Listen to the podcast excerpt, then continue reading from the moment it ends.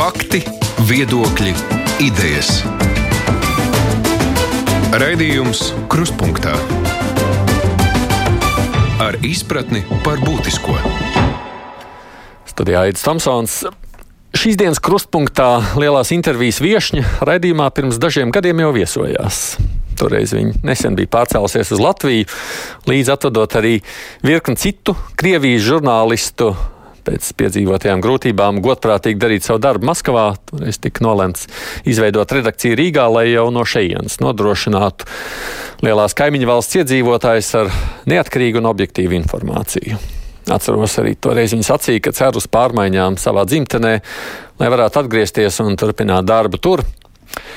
Ir pagājuši vairāki gadi, un nu, izskatās, ka tā situācija ir kļuvusi tikai sliktāka pirms mēneša parādījās ziņa, ka redakcija cīnās par izdzīvošanu, jo nu, Krievijas varai ir iespējas ietekmēt viņus arī šeit, Latvijā. Par to, kas tad notiek blakus esošajā lielvalstī un kādas vēl ir palikušas iespējas neatkarīgai žurnālistikai tur. Kruspunktā pirmdienās lielās intervijas viesiņa šodien ir portāla Medūza ģenerāldirektora Gaļina Timšenko Ziņu Dobrīvām. Labdien! Dobrīdien. Labdien! Priecājos jūs redzēt mūsu programmā. Pirms mēneša izskanēja ziņas, ka, ka cīnāties par savu izdzīvošanu. Kāda situācija ir šobrīd? Turpinām cīnīties par izdzīvošanu. Ko, ko tas nozīmē? Kāpēc tāda situācija? Krievijas tieslietu ministrija mūs pasludināja par, par ārvalstu aģentu. Tā ir organizācija, kas darbojas nedraudzīgo valstu, Krievijas nedraudzīgo valstu interesēs varat iedomāties, kuras valstis ir šīs, šīs nedraudzīgi noskaņotas. Uzreiz pēc tam tā mēs nebijām pirmā komercorganizācija, ko pasludināja par aģentu. Uzreiz pēc tam zaudējām savu pamatienākumu avotu reklāmu. Tā bija gan baneru reklāma, gan dažāda cita reklāma. Mūsu reklāmdevēja negribēja problēmas, es to saprotu. Un cīnīties ar Krievijas valsti ir smags uzdevums. Biznesam patīk klusums, miers. Biznesam nepatīk konflikti un skandāli, tāpēc mēs zaudējām gandrīz visus savus ienākumus. Un šādos apstākļos gribējām jau slēgt mūsu izdevumu, taču redakcija nolēma vēl cīnīties kaut nedaudz par izdzīvošanu. Un tā kā mums vairs nav reklāmdevēja, bet ir daudz lasītāju, tad mums tas tā bija sava veida tāds bija izaicinājums pārbaudīt, vai tiešām mums ir tik daudz lasītāju, ka varēsim kādu laiku noturēties. Mēs pievērsāmies pie lasītājiem ar vārdiem, mums vairs nav reklāmdevēja, bet mums esat jūs, ja uzskatāt un vēlties mūs lasīt, lūdzu atbalstiet mūs. Un 85 tūkstoši tūkstoši cilvēku pateica, mēs esam gatavi jūs atbalstīt. Pat ar nelielu summu esam gatavi jums pārskaitīt naudu, lai jūs dzīvotu. Šādā veidā mēs ieguvām laiku, lai risinātu jautājumu, kā būt tālāk, kā pārgrupēties, kā izdzīvot turpmāk. Tā nav maksa, par, ap, tā nav abonentu maksa, bet tas ir kā ziedojums. Jā, tas ir tieši tā ziedojums. 85 tūkstoši cilvēku.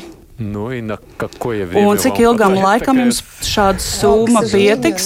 Uh, Diemžēl mūs klausās ne tikai labi cilvēki, bet arī slikti cilvēki, un tāpēc mēs nevaram ar lasījām saviem, sūtījām saviem lasītājiem pal, at, palīd, paldies vēstuli, bet šobrīd nevaram i- informēt par to summu, ko mēs saņēmām, jo ir cilvēki, kas ļoti vēlas, lai mūsu nebūtu. Visu, ko varu pateikt, ka mēs svinējām nedaudz laika, lai, lai izdomātu, kā to, dzīvot tālāk. Par to, ka šādā veidā šie lasītāji jūs atbalstīja, vai viņiem nedraud sankcijas? Pagaidām nē. Pagaidām likums nenosaka sankcijas par finansiālo atbalstu. Taču, ja mūs atzīs par ekstrēmistisko organizāciju, tad gan. Vai pastāv tāda iespēja? Vienmēr Krievijas valsts ir mācējusi atrast veidus un, un pieņemt likumus, kuriem ir atpakaļējošs spēks. Vai jūs bijāt gatavi šādam notikuma pagriezienam? Jā, mēs bijām gatavi. Ja runājam, protams, tā būtu pārāk pārliecinoši teikt, ka bijām gatavi. Patiesībā nebijām, taču mēs ar galveno medūzas redaktoru Ivanu Kalpēnu. Колпакову pirms diviem mēnešiem, pirms tas viss sākās, mēs apsēdāmies un sarakstījām iespējamos scenārijus, kas varētu notikt.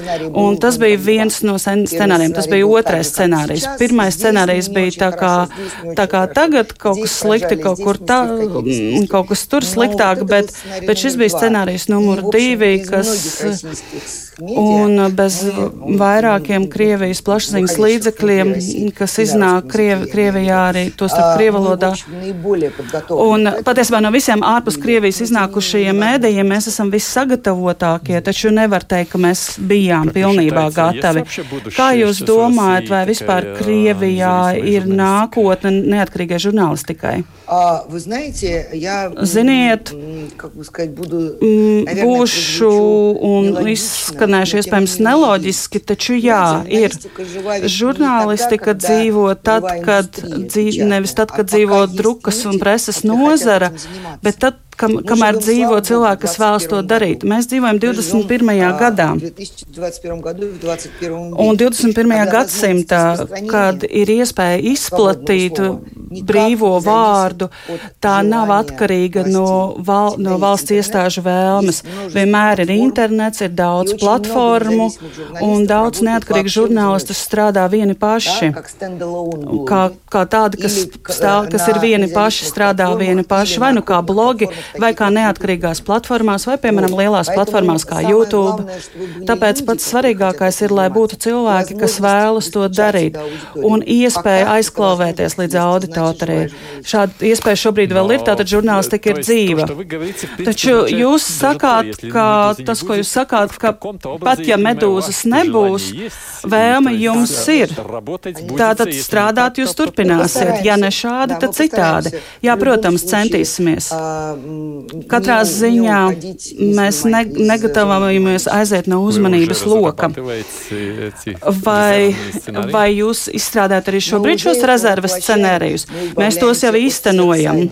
Mēs tiekam vaļā no visiem papildu projektiem, piemēram, atdalījām podkāstu projektu, kas bija mans lielais lepnums, jo es to biju palaidusi, un man bija tāds prieks, ka mums bija tik daudz podkāstu, jeb raidierakstu. Мой любимый подкаст, который назывался «Лаби». Вот. Mēs palaidām šo raidierakstu sēriju un tagad tos atdalījām kā neatkarīgu studiju. Un tie var dzīvot bez ārvalstu aģenta marķējuma, tie var pelnīt naudu patstāvīgi. Tāpēc mēs tos izveidojām par neatkarīgu organizāciju. Tāpēc, tāpēc mēs atdalījām Katrīnas Gorģēvas YouTube šovu Pasaki Garģēvai. Tas bija, tās bija intervijas ar nozīmīgiem cilvēkiem, jo īpaši sievietēm, kas ietekmē dzīvi Krievijā. Tāpat mēs atdalījām Antona Dolina YouTube raidījumu raidījumu, kas ir veltīts kultūrai. Viņš ir kā tāds kultūras apskatnieks. Un turpinām atdalīties un, un tikt vaļā no visiem projektiem, kas tā vai citādi nav mūsu pamatprodukts, nav ziņas un, un sociāla politiskā darbība. Un, Uh, nu, работать сейчас как в интернете. Un, ja vajadzēs tagad strādāt internetā kā ziņu devējs, cik, cik daudz jūs varat par saviem plāniem stāstīt, vai arī par tiem nevarat, jo mēs mūs noklausās. Mēs izdarīsim visu iespējamo, lai saglabātu sociālo politisko darba kārtību un, protams, speciālie korespondenti un mūsu izmeklējošo darbību. To mēs visu atstāsim Немножко вообще про то, что как было последние. Parunāsim par to, kā notika pēdējie, kas notika pēdējos gados. Jūsu auditorija saglabājas, aug, paliek, samazinās. Tā auga, auga, auga, un Covid gadā tā sāk stagnēt. Tās apjomi sāk stagnēt. Mēs nobijāmies, taču par laimi tas nav tikai mums.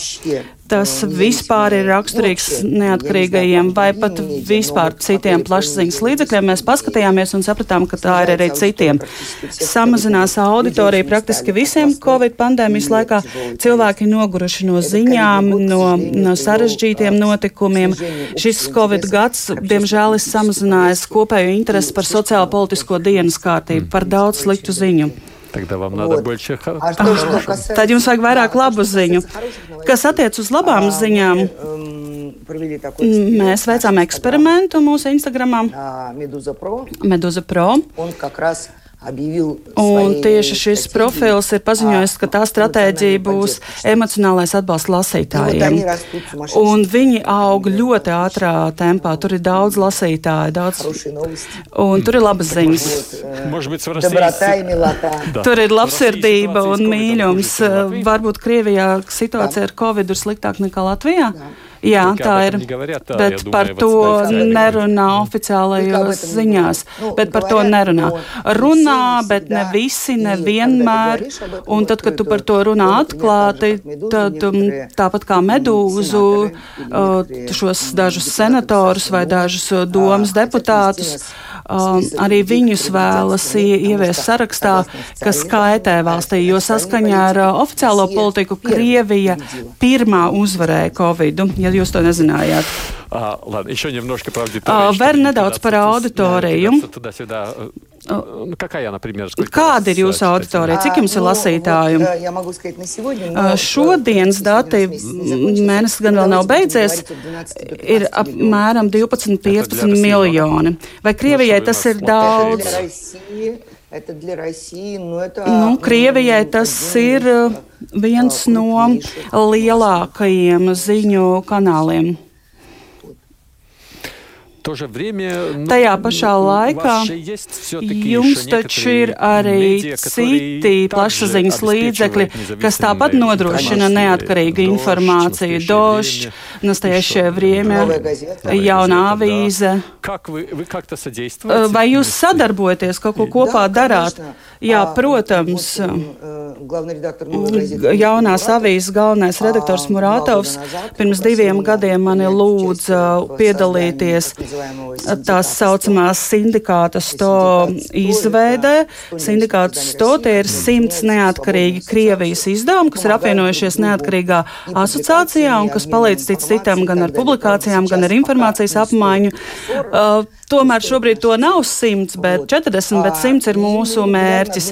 Mēs arī regulāri apmaināmies ar informāciju, palīdzam cits citam, un arī šajā situācijā reģiona kolēģi mums palīdzēja izplatīt informāciju, ka medūzai nepieciešama palīdzība. Un tad, kad mēs vācām datus par Covid Krievijā, arī tad reģionālajie kolēģi mums ļoti palīdzēja. Mēs strādājam kopā.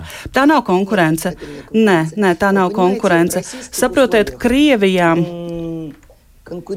ir grūti konkurēt mūsu tirgu. Protams, ir, ir, ir kādi noteikti nosacījumi konkurencē. Mēs konkurējam, protams, par lasītāju laiku un uzmanību, un, protams, mēs konkurējam par reklāmas budžetu. Bet taču reklāmas tirgus Krievijā ir daudz lielāks nekā mēs to varam vispār apjaust un aptvert. Tāpēc šobrīd tā nav konkurence, bet sadarbība.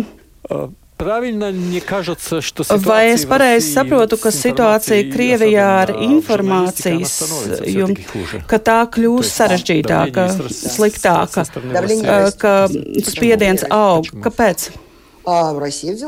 Jo Krievija ir devusies pašizolācijas virzienā, pasaule ir sadalīta melnajā un baltajā, bipolārajā pasaulē, labie un sliktie, diezgan sen, un arī papildus tam Krievija pēdējā laikā tur ir notikušas, notikušas daudz vairākas diezgan lielas protesta kustības, piemēram, Habārovskā, Ekaterinburgā, arī Ziemeļos, kur plānoja uzbūvēt liels atkritumu poligonus. Un kā man šķiet, valstis diez, valsts diezgan lielā mērā nobijās no reģionāliem protestiem, un tāpēc sāka diezgan stingri noslēgt informāciju. Vispirms šiem cilvēkiem, pēc tam notika protesti Baltkrievijā.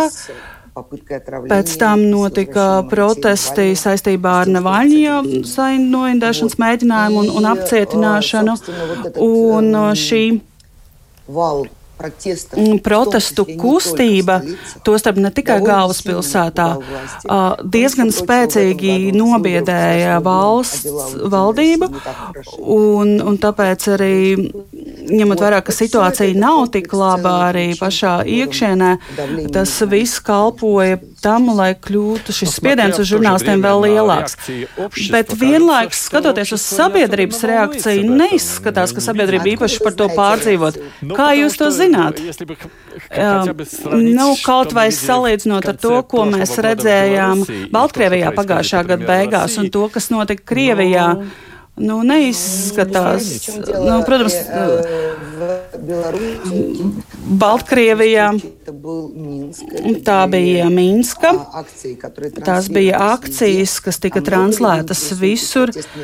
Bet vai jūs interesēties par protesta kustībām Kabārovskā, kas notika vismaz pusgadu? Tas ir 3000 km attālumā no šejienes. Tas ir ļoti tālu.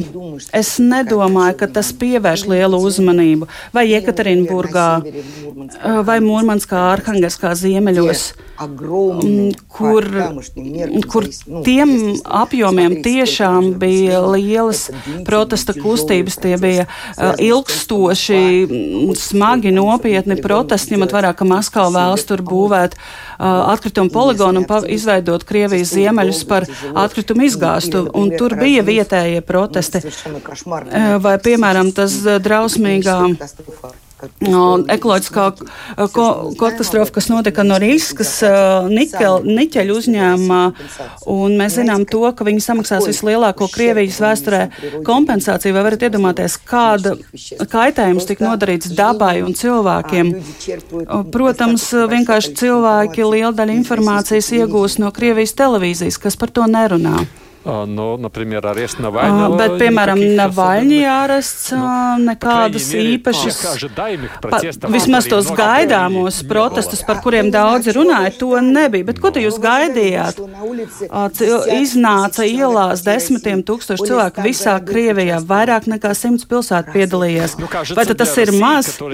Nu, protams, ņemot vērā daudz miljonu Krieviju, nu jā, daudz miljonu valsts, protams, bet saprotiet, redzēt, ka pēdējo desmit gadu laikā ir pieņemts tik daudz likumu, un tas, ka cilvēki vispār iziet ielās un nebaidās, jau tas ir varoņdarbs, jau tas ir ļoti tā ir drosmīga rīcība. Jo saprotiet, mm, piemēram, mūsu korespondenti strādāja visos protestos, un viņiem bija speciāls vestas, speciālis piespraudas, preses kartes, un tik un tā trīs tik Uh, trīs tika piekauti, aizturēti un devā, viņi tika tiesāti, un viņiem tika uzlūgts sots. Par spīti tam, ka viņiem bija visi dokumenti un par, to, par spīti tam, ka viņi veica visus priekšdarbus, un viņiem bija sarkanas, spilgts dzeltenas vestas, cilvēkus piekauj, un pirms protestiem pie cilvēkiem jau atnāk uz mājām septiņos no rīta vai sešos no rīta zvana pie durvīm, viņus ved uz iekšlietu pāri pārvaldi, un ar viņiem tiek veikta tā dēvētā skaidrojošā saruna, un šie šos aktīvistus brīdina neiziet ielās.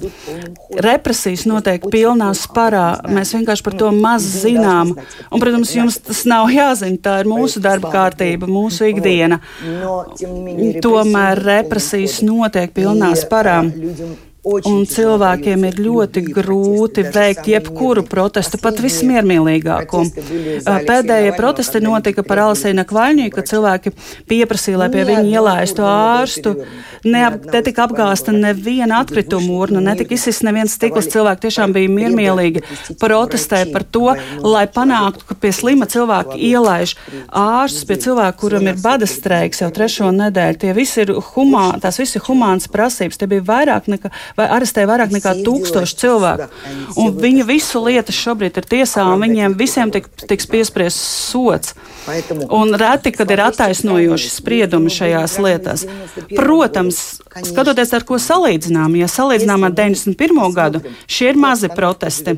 Bet, ja mēs paskatāmies, kādā stāvoklī, kādā situācijā ir situā valsts 21. gadā, tas, ka iznāk tik daudz cilvēku, ir ļoti daudz.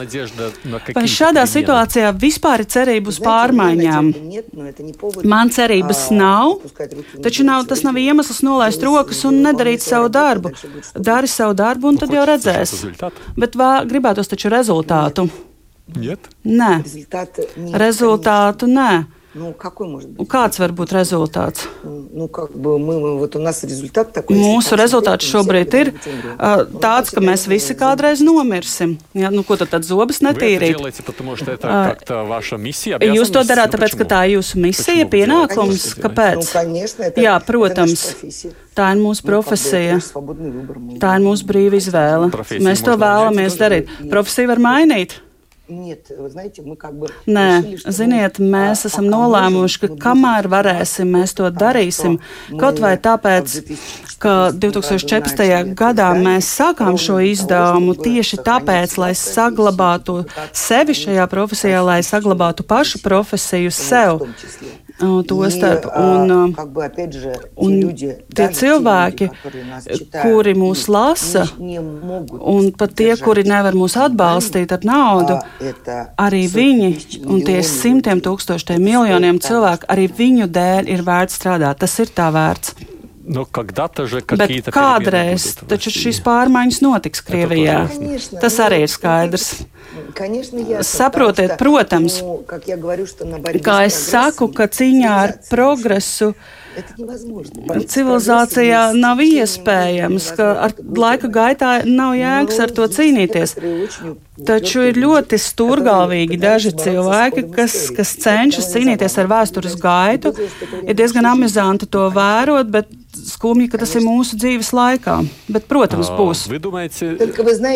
Bet, ziniet, vēl ir tāds pazīstams dzējolis, Nekrāsava dzējolis, kas, kas tika uzrakstīts 19. gadsimtā, un kas, kas beidz ar vārdiem, ka šajā brīnišķīgajā laikā dzīvošu nevis es, bet tu, un arvien biežāk es to pēdējā laikā atceros. Kad mēs ar jums tikāmies pēdējo reizi pirms dažiem gadiem, tad jums nebija tāds noskaņojums. Jā, tas bija smags laiks, salīdzinot ar to, kas bija pirms pieciem gadiem, un tagad situācija ir ļoti smaga. Un likumi, kas tika pieņemti šajā laikā, lai ierobežotu vārda brīvību, lai ierobežotu tiesības un, un, un iedzīvotāju brīvību. Tagad mēs saprotam, ka ir sācies process, un pēc mēneša visticamāk Navaļņie fonds cīņā ar korupciju tiks apzīmēts kā ekstrēmistiska organizācija. Tas nozīmē, ka Vaļņīs no opozicionāra kļūs par ekstrēmistiskas organizācijas vadītāju un saņems savus desmit gadus cietumā. Bet cilvēki, kas deva viņiem naudu, tos vairs nevarēs ievēlēt pat pašvaldībām. Un šajā jomā doma pārkāpj pat um, satversmes pamatus, uh, dodot likumiem atpakaļējošu spēku. Jā, šobrīd situācija pasliktinās un mākoņi satumst. Bet nu, kādreiz tas beigsies? Tas, ko jūs sakāt, principā nozīmē, ka, ka jūs sakāt, ka Latvija tagad kļūs par jūsu otrajām mājām visu dzīvi. Es neko nevaru plānot. Es neplānoju pirms sešiem gadiem. Mēs sev teicām, ka esam atbraukuši šeit pastrādāt. Atcerieties, ka es tā teicu, ka esam atbraukuši pastrādāt. Tagad, protams, ir acīm redzams, ka nav kur atgriezties. Nu, Bet paskatīsimies. Cenšos par to nedomāt. Nodzīvojam dienu, ieplānojam nākamo. Ziniet, pirms diviem gadiem vai trījiem biju fest, festivālā Aspenai Dijas. Um, ir tāds izdevums The Atlantic, un um, tās izdevējs. Um, veido festivālu, cilvēku festivālu. Arī viņš pats uzstājās, un viņš stāstīja par savu smago dzīves pieredzi. Viņš bija pazīstams televīzijas vadītājs Amerikā, Un viņš zaudēja pilnībā savu balsi, viņš zaudēja savu profesiju. Un viņam bija vēzis, viņš smagi slimoja. Viņš teica, es esmu secinājis tikai vienu svarīgu formulu, ka tad, kad iestājas grūti laiki, nedrīkst plānot uz ilgu laiku. Pašam sev jāpasaka, vai es varēšu izturēt šādu dzīvi vienu dienu, un tad dzīvot šo vienu dienu kā pēdējo. Un tad nākamo dienu, tad nākamo. Vieglāk norīt pa maziem gabaliņiem. Jā, tas pats mums šobrīd notiek. Un, ja mēs runājam par nākotni un kaut kādām izmaiņām, nu, как бы будет инициатива. Kas to šīs, šīs izmaiņas inicijēs, kas tās sāks, vai tie būs cilvēki, kas neizturēs un sāks pretoties, vai arī valsts, piemēram, Putins nomirs vai kaut kas tāds. Ziniet, neviens nezina patiesībā, kas var kļūt par šo uh, izmaiņu iesācēju, izraisītāju. Iemesls ir skaidrs. Uh, tas vienmēr ir viens, elite sadalās, ir jauna paudze, kas gribas pie, grib piedalīties sociālpolitiskajā dzīvē. Tā vienmēr ir izaug jauna paudze, kuram, kurai ir pamaz vietas attiecīgajos rāmjos un kas vēlas vairāk tiesību un, un brīvību. Un notiek šī elites šķelšanās agrāk vai vēlāk. Tas attiec uz cēloņiem, bet kas ir izraisītājs, kas būs šis, šis triggers, šis um, nospiedēja mehānisms, šī mēlīte, ir grūti teikt, kas tas būs. Varbūt uh, vēlēšanu rezultāti, vai tas, kā Baltkrievijā notika um, uh, vēlēšanu rezultātu falsifikācija, jebkas var notikt. Uh, taču šīs dziļie cēloņi vienmēr ir viena un tie paši gentokrātija, kad ir pat ilgi niesēdējušies cilvēki pie valdības, viņi, viņi, pie varas viņiem vairs nav mērķu, viņi nevēlas mainīt val, varu. Un agri vai vēl notiek šis sociālais sprādziens. Vai domājat, ka prezidents Putins būs pie varas līdz savas dzīves beigām? Diemžēl, es domāju, ka jā. Es domāju, ka viņš no, centīsies noturēties val, valdīt varu, cik vien varēs. Un cilvēki ar to samierināsies. Ja padomāsim, tad varam saprast, ka Putins šobrīd ir pie varas ilgāk nekā Brežņevs kas savā ziņā, kā jūs zināt, kļuva par simbolu šai ilgstošai atrašanās pie varas, pilnīgā, esot pilnīgā marasmu stāvoklī. Putins jau ir ilgāk par Brežņevu. Bet Brežņeva laikā cilvēki smējās un nekas un dzīvoja tālāk. Un arī tagad cilvēki ir sākuši smieties. Un tas, tas, tas kas man dod cerību, ka, kamēr baidāmies, nekas nemainīsies, kad sākam smieties, nevis baidīties. Jo oficiālā iesauka Putinam tagad ir eh, vectēvs, vecais, jo viņš ir sajūts prātā, un tas ir normāli. Cilvēkam ir gandrīz 70 gadu, ir laiks aizdomāties. Un tomēr es dzirdu joprojām vienu un to pašu. Kamēr Putins, vismaz mēs zinām, patīk, nepatīk, bet ir stabilitāte. Bet, kad viņš aizies, kas to zina, būs tikai sliktāk. Vai šī doma joprojām ir dzīva? Jā, protams. Cilvēkiem gribas stabilitāti, visiem gribas. Bet mēs taču labi saprotam, ka stabilitāte ir stagnācija. Reku tak Daugava diezgan ātri. Там, где, un как бы, Tur, kur straumi apstājas, kas tur notiek? Tur viss sāk ziedēt, ūdens stāv, ūdens zied un sāks, sāks pūvet. Tur, kur ir straumi, tur viss mainās, tur ir dzīve. Protams, gribas, lai būtu stabilitāte, bet nu, dzīve nevienmēr. Nu, вы допускаете, что если что-то произойдет, то есть смена власти? Bet vai jūs pieļaujat, ka, ja valstī kaut kas notiks, ja notiks varas maiņa, prezidents vairs nav jauns, ka tas, šīs izmaiņas varētu būt ļoti asiņainas, haotiskas, cietsirdīgas. Es nezinu. Man šķiet, ka, ka tas ir iespējams. Protams, ka gribētos no tā izvairīties un negribētos to piedzīvot, bet tas nav atkarīgs no mums. Saprotiet, pēdējos gados ja kādreiz tie cilvēki, kuri bija ap Putinu, bija diezgan ļoti bagāti cilvēki pamatā, un, un galvenais mērķis, viņu mērķis, man, manuprāt, bija iegūt bagātību sev un audzēt savu kapitālu, tad tagad apkārt Putinam ir daudz dažādu varas pārstāvju, jo Krievijā nav tikai policija un izmeklēšanas komiteja, komiteja un izlūkošanas pārvalde, bet arī Roskvarda, kas vispār nav skaidrs, kas tas ir. Jo ir izmeklēšanas komiteja, prokuratūra, ir ļoti daudz cilvēku, kas pārstāv varas orgānus, varas pārvaldes iestādes. Un, protams, ka tie ir cilvēki, kas ir raduši risināt problēmu ar spēku. Un tas ir ļoti skumji.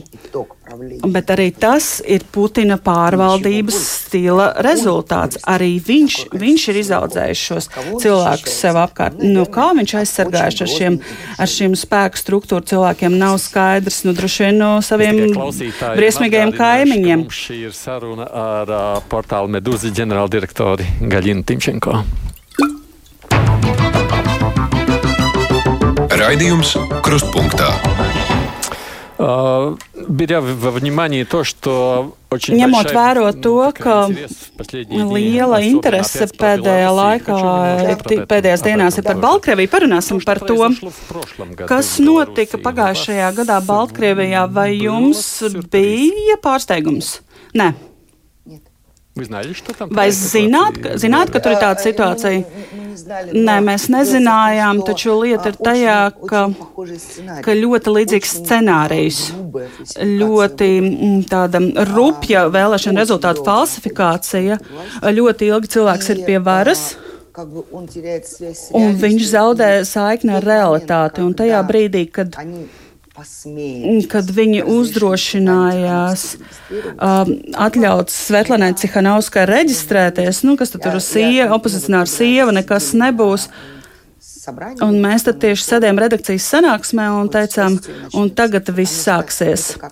Jo tas tieši, kru, ko Krievijā sauc par viedo balsošanu, par gudro balsošanu, balsot par jebko, bet ne par vienoto Krieviju. Un tāds pats protesta balsojums notika arī Baltkrievijā, tas bija tāds vilnis kas iznesa drosmīgus, brīnišķīgus cilvēkus, iniciatīvas pilnus, un nekas cits arī nebija vajadzīgs. Un tad arī sākās protests. Cilvēki ir noguruši no meliem.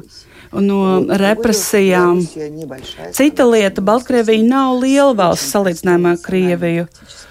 Tā ir diezgan mononacionāls sastāvs, un tur nav kā kā Krievijā, kur ir tiks, kur ir simtiem tautību, un nevaram salīdzināt Vologdu ar Krasnodaru, piemēram.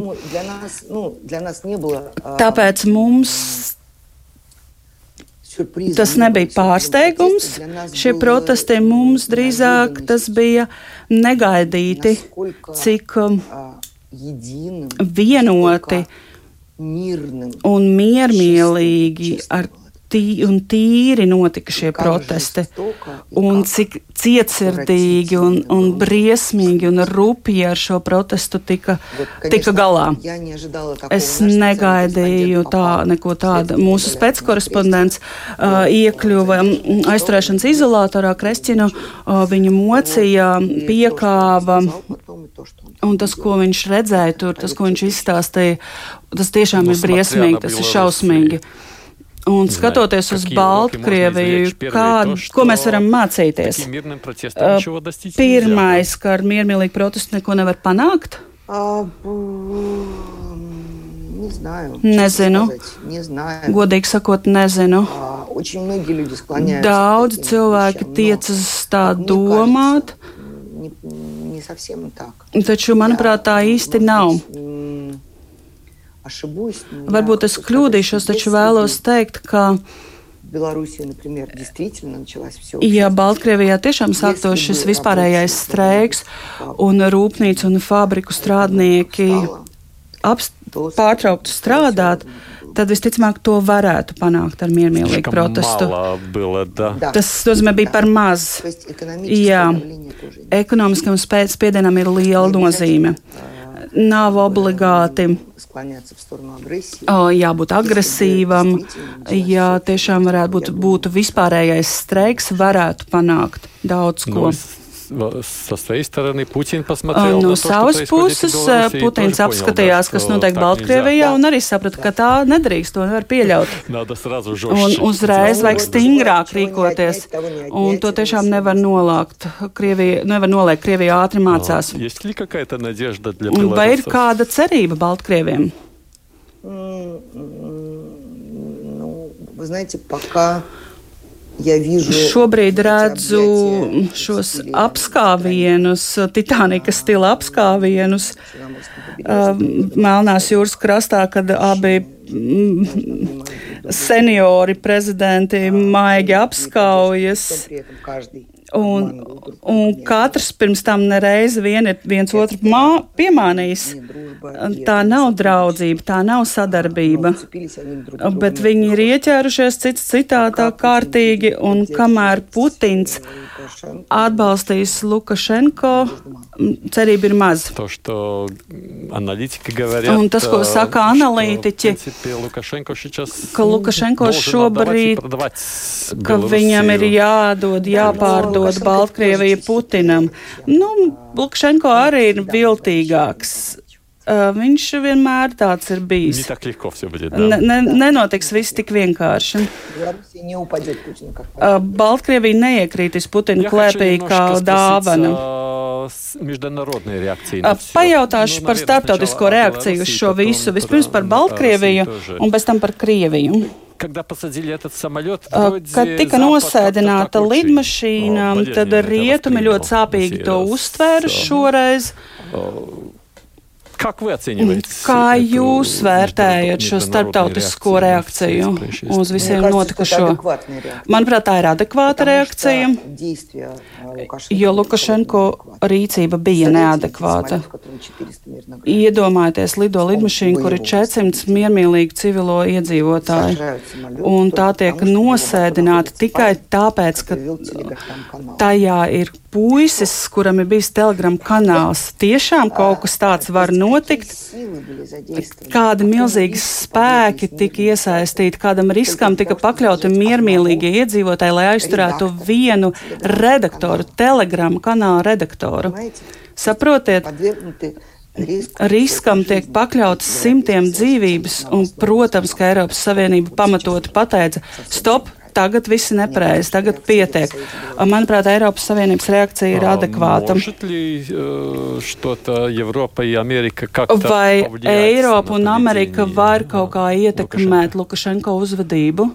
Nezinu, godīgi sakot, nezinu. Э, es laikam neesmu labs politikas prognozētājs. Es drīzāk labi aprakstu nekā pāredzu notikumus. Vai nenožēlojat, ka ka jānotiek kaut kam тādam īpašam, un, lai, lai starptautiskā sabiedrība reaģētu. Jo žurnālisti pēdējā laikā, pēdējās nedēļas jau pirms šā notikuma, žurnālisti Baltkrievijā jau tur tiešām tika apspiesti ar vien vairāk un vairāk. Saprotiet, Dzīve man ir iemācījusi, ka ir jātic tikai saviem spēkiem. Tāds korejiešu princips - paļauties tikai uz sevi. Ja ir atbalsts, tas ir labi. Ja tā nav, tad nevar uz to paļauties. Tam ir jābūt kā papildu nosacījumam, bet kā, nevis kā nepieciešamībai. Jo pat tiešām atbalstīties un drīkst tikai uz saviem spēkiem. Ja būs atbalsts no ārpuses, tas būs labi.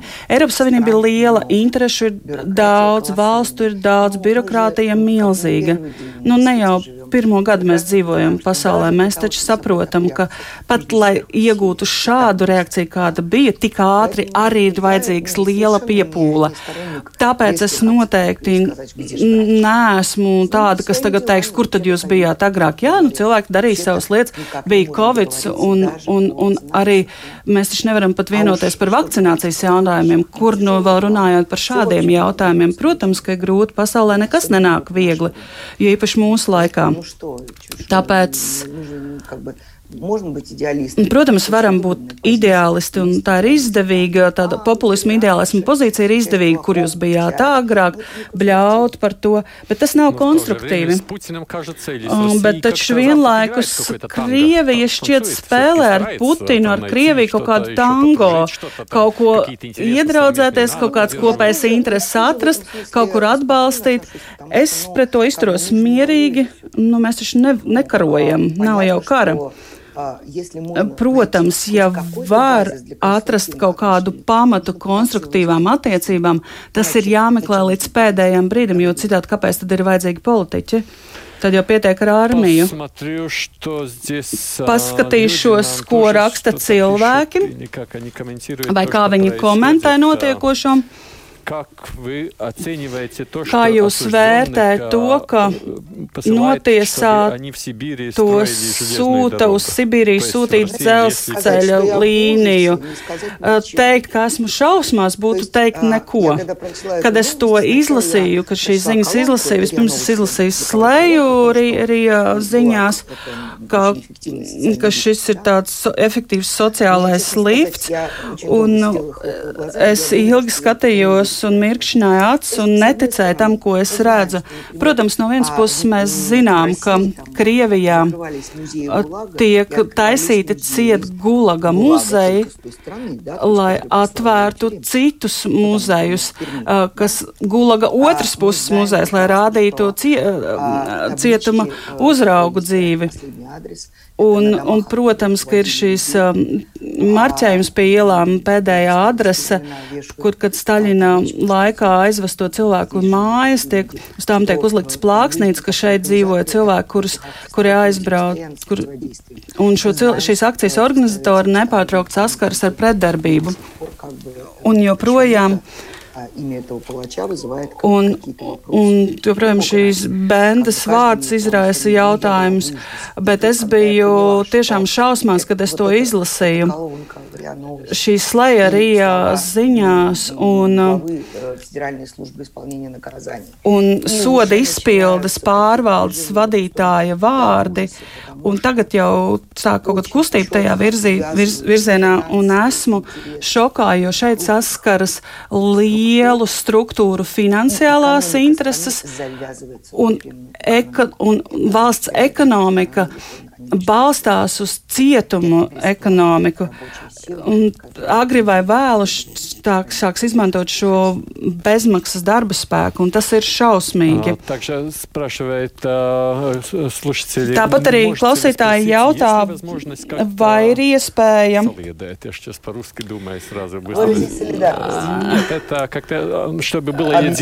Ap, ap, vai ir kaut kāda iespēja apvienot Krievijas uh, sabiedrību? Вы знаете, как-то я пока, пока не вижу. Pagaidām neredzu lielu iespēju. Protams, vienmēr ir kaut kāds saskars, saskarsmes punkts, vai nu tā ir spoža pagātne vai gaiša nākotne. Man nepatīk dzīvot ar, ar Par skatoties atpakaļ pagātnē. Pagātne ir pagājusi, lai tā dzīvo. Man gribas skatīties gaišajā nākotnē, bet cilvēki to redz atšķirīgi. Tāpēc vienīgais. Un es pat neesmu, protams, padomju savienības atbalstītāja, taču padomju savienībai bija vairāki lozungi, kuriem nevajadzēja izraisīt pretdarbību. Piemēram, miers visā pasaulē, ar to, lai bērni nekad nepiedzīvotu karu. Tas ir labs lozungs. Un, ja kaut kas cilvēks Krievijā varētu apvienot, tad tikai šī vēlme gūt labu nākotni saviem bērniem. Kāds klausītājs jauto, vai esat iemācījusies kaut ko latviski dzīvojot Latvijā? Es lasu, bet es ļoti kautrējos. Man praktiski nav vingrināšanās, jo viss notiek Krievu valodā. Un vēl kāds jautājums. Kā jūs domājat, kāpēc Navaļņīs atgriezās Krievijā? Bija taču skaidrs, ka viņš uh, atgriežas briesmās. Manuprāt, Aleksis Navaļņīs nodarbojas ar politiku visā nopietnībā. Un viņam ir reāli īsti nopietni, ambiciozi mērķi. Nevar nodarboties ar Krievijas politiku, atrodoties ārzemēs. Tu vari būt hercens, kas, kas raksta gudrus vārdus, bet ja tu vēlies piedalīties politikā un ja tu vēlies tad tev ir jāiesaistās un jābūt šajā valstī, jādzīvo tās dzīves. Tu nevari no ārpuses komandēt, tev jāstrādā iekšpusē. Un, ja tam ir vajadzīgi upuri, tad tos viņš darīja, veica apzināti. Un vispār saistībā ar situāciju Krievijā dzīves līmenis arī, manuprāt, neaug. Ziniet, um, sabiedrība arvien vairāk sadalās slāņos, notiek šī slāņošanās. Biju Maskavā pie, pie draugiem, un es, protams, paskatījos, kāda ir dzīve Maskavā. Uh, nu, Un tagad, un baidos, ka man tagad tiks piedāvāts izraust to no, no konteksta, bet pateikšu, ka, ka Maskava ir viens no komfortablākajiem, viena no komfortablākajām, ērtākajām pilsētām. Tā ir tehnoloģiski attīstīta.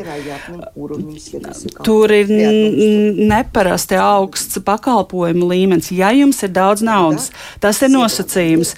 Ja ir, tad jums Maskava atver visus labumus labumus. Ja jūs aizbrauksiet no Maskavas 100 km tālāk, tad, um, protams, aina ir cita.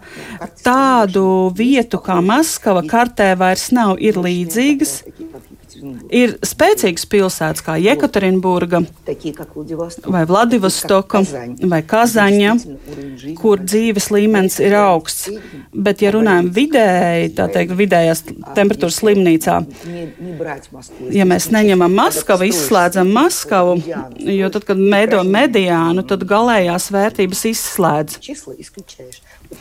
Un, ja skatāmies vidē, tad uh, līmenis pazeminās, taču pazeminās lēni, un tas ir šīs stabilitātes rezultāts, kas pārvērš par stagnāciju. Protams, līmenis samazinās. Taču joprojām turpinās epidēmija. Un Krievija no ārpuses ir slēgta, bet iekšienē nekas nav slēgts. Nav epidemioloģisko drošības pasākumu vispār, izņemot kaut kādu mazu reģionālo. Biznesa aktivitāte notiek, uzņēmumi strādā, jo viņi saprot, ka, ja tiks apturēt, apturēt uzņēmējdarbību, viņi nespēs pēc tam to atsākt.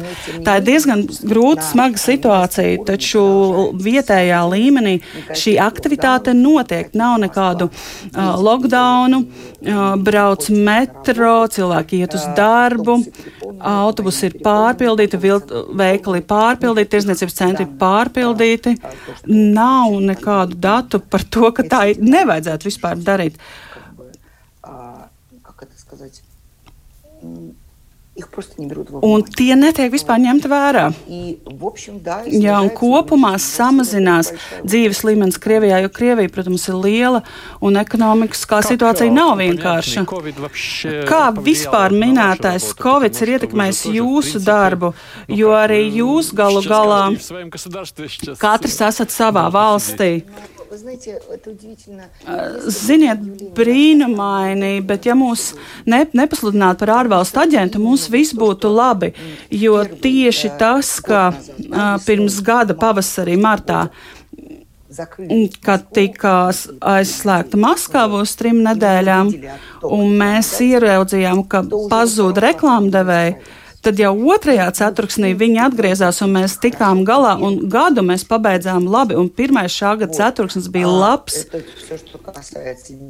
Un kas attiec uz naudu, bet nu, pēc tam mūs pasludināja par šo aģentu. Bet kas attiec uz mūsu dzīvi, mēs arī tā esam attālināti. Redakcijas spēckorespondente strādā Krievijā, ziņu dienas un programmētāja Rīgā, ir cilvēki, kas ir Minskā, ir cilvēki, kas ir Novosibirskā.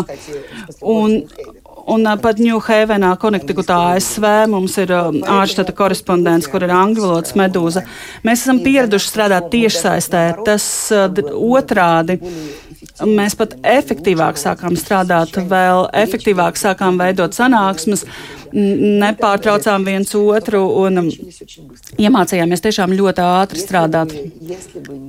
Ja ne mūsu pasludināšana par ārvalstu aģentu, viss būtu labi вам будет из, ну, когда вам и, наверное, всем читателям. Kad jums un visiem lasītājiem būs skaidrs un saprotams, kas, kas būs tālāk. Es domāju, ka vasaras beigās, ka vasaras beigās būs zināms, kas tieši, jo mēs nezinām, kas, kādi pasākumi pret mums ir plānoti un sagatavoti, un nezinām, kas notiks. Bet septembrī notiks uh, valsts domas vēlēšanās vēlēšanas, un tas būs tāds patiesības mirklis. Un tad mēs sapratīsim, vai viss tiks piegriezts, vai kaut ko tomēr atstās. Vai arī cilvēki no Latvijas jums var palīdzēt, ja vēlas? Jā, protams, mēs pieņemam ziedojumus no visām valstīm, mums nav nekāda ierobežojuma. Var nosūtīt anonīmi. Bet es pat tagad saku, man kādreiz tika, tikās, likās savāds teiciens, ka labāk vienu eiro, bet katru mēnesi, bet tagad pietiktu pat ar vienu eiro. Un arī Latvijas reklāmdevēji varētu pie jums doties. Jā, protams, varētu Taču mēs jau sen sev apsolījām, ka Latvijas reklāmas tirgus ir ļoti mazs, un Latvijas mēdījiem šī nauda ir daudz vajadzīgāka nekā mums, krievalodīgajiem mēdījiem, jo mums ir visa Krievija. Un mēs Un mēs tiešām mācējām nopelnīt naudu, arī strādājot ar Krievijas reklāmdevējiem. Tagad tie mums nav pieejami, bet nu neko darīt. Dzīvosim citādi. Vai jūtat Latvijas žurnālistu solidaritāti? Jā, Man nedaudz skumji, ka, ka mēs piesaistām uzmanību tikai tad, kad mums notiek kaut kas slikts, nevis labs. Bet no otras puses tas ir ļoti patīkami, jo šajā mēnesī esmu devusi vairāk interviju nekā pēdējos sešos gados. Tas ir patīkami. Paldies par uzmanību. Un skatoties uz to, kas notiks tālāk, viens no klausītājiem raksta, ka vēlas jums jums nodot lielu pateicību par drosmi un ka vēlas jūs atbalstīt. Paldies! Lielas paldies! Sarkanā э, poga ir medūzas galvenajā lapusā. lapusā. Neko nepaspējuši vairāk pajautāt, jo, ja sākšu, tad nepagūsim saku paldies par to, ka veltījāt laiku. Забыл русский язык. Jā, aizmirsu latviešu, krievu valodu. Paldies, ka veltējāt laiku un novēlam izdošanos. Lielas paldies! Uz redzēšanos! Lielas paldies! Veiksmi! Mums portāla Meduza ģenerāldirektore Gaļina Timčenko, viena no tiem, kas veido arī šo te portālu un izveidoja šeit Latvijā. Bet kurspunktā šodien izskan producents Tevi Junām un sarunu vadīja savukārt es Aidis Tomsons.